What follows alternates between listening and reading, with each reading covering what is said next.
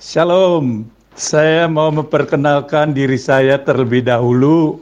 Saya Pastor Joseph Sao Hongguan OSC, Ordo Asalib Suci. Saya dari Provinsi Sang Kristus, Bandung, Indonesia. Tempat tinggal saya sekarang di, Biora, di Priorat Biara Sultan Agung.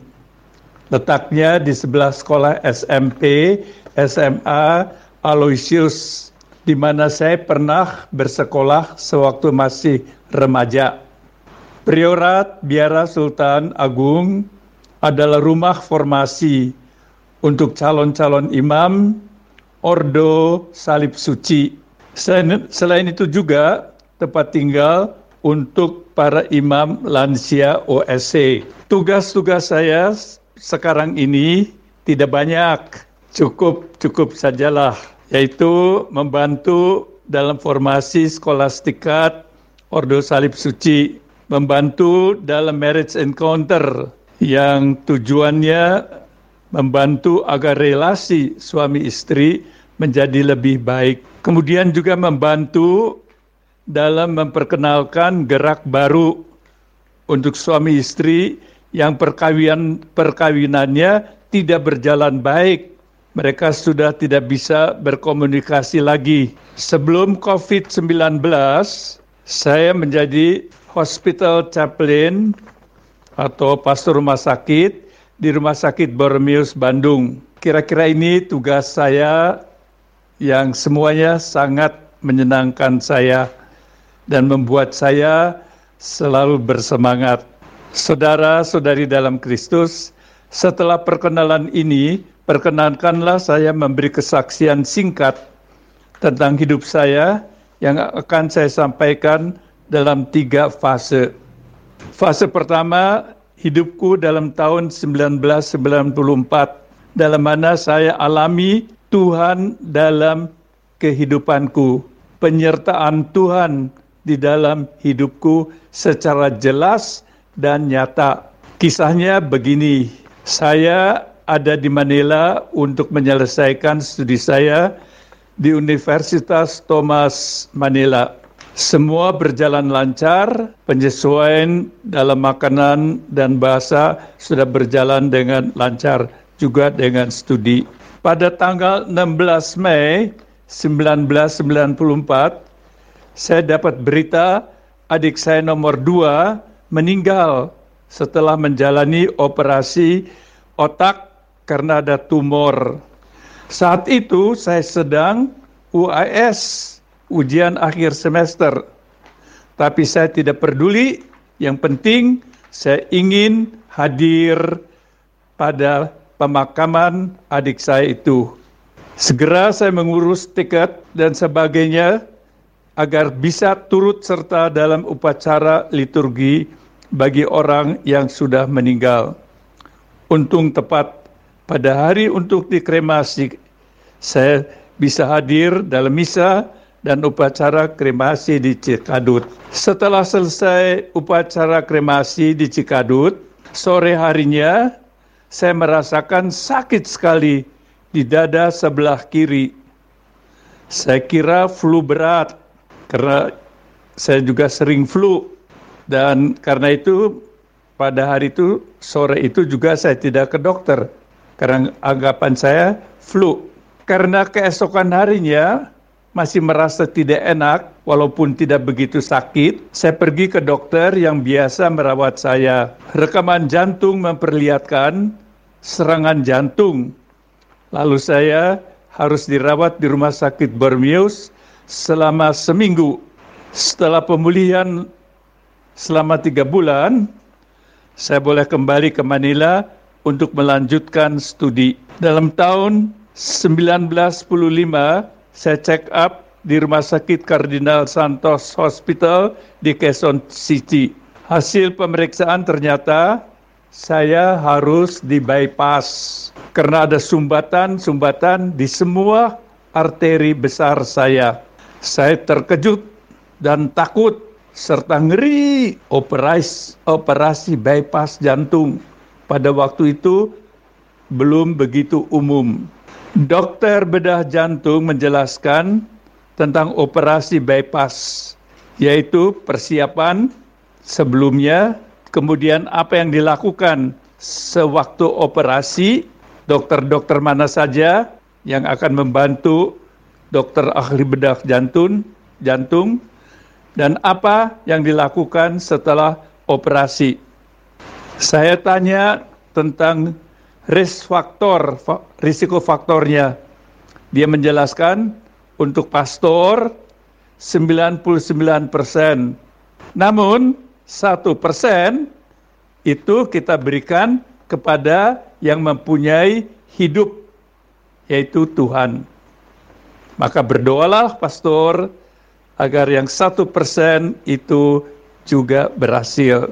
Saya bilang ke dokter, baik dokter, apa bisa dua hari lagi? Oh, dia ketawa. Father, kita harus melihat jadwalnya dulu.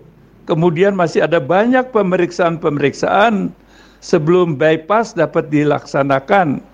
Bila semua itu sudah terjadi, maka kita akan menjadwalkan tentang harinya. Kemudian dijadwalkan hari di mana saya akan diadakan bypass.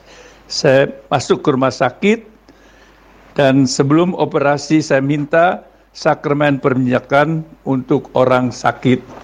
Operasi rupanya tidak berhasil dengan baik. Saya dibawa kembali ke kamar operasi di mana ada pendarahan. Tetapi setelah empat hari, saya tetap tidak sadar. Lalu dokter menyatakan dia sudah clinical death, mati secara klinis karena tidak ada tanda-tanda kehidupan. Jadi tanda-tanda menunjukkan kemati secara klinis. Saya dengar semua apa yang dikatakan oleh dokter, tapi saya tidak bisa berbuat apa-apa. Sewaktu saya tidak sadar, saya banyak mimpi yang aneh-aneh. Saya berada di suatu tempat gunung sangat terang saya naik beberapa kali, jatuh ke bawah lagi, jatuh ke bawah lagi terus beberapa kali. Ngeri, saya sendirian. Lalu kemudian juga banyak menjerit-jerit, banyak adegan-adegan masa lalu muncul. Sering kali berteriak-teriak, ada maling, ada maling, artinya pencuri, pencuri. Ini diakibatkan sewaktu saya masih kecil banyak diceritakan tentang maling pencuri dan itu menjadi ketakutan saya sampai masa remaja. Entah bagaimana mujizat terjadi. Tiba-tiba saya bangun, sadar, memanggil nurse. Mereka bersorak-sorai, tapi omongan saya ngaco, tidak tidak nyambung. Dan saya bicara bahasa Indonesia, tidak Inggris, tidak Tagalog, terus bahasa Indonesia. Uh, mereka juga tidak bisa berkomunikasi dan dengan saya. Lalu gambaran saya rumah sakit itu adalah rumah sakit Bormius. Oh, suster ini, suster itu mereka semua pada kaget. Tapi ya mereka tahulah itu akibat daripada bius atau operasi atau apa saya juga tidak tahu. Tapi ngaco saya kira-kira dua atau tiga hari saja. Lalu karena semua vital signs keadaannya baik, saya dipindahkan ke kamar pribadi untuk para pasien saya sudah tidak error lagi. Nah, waktu di kamar pribadi itu, mereka ceritakan tentang apa yang saya lukiskan di atas itu.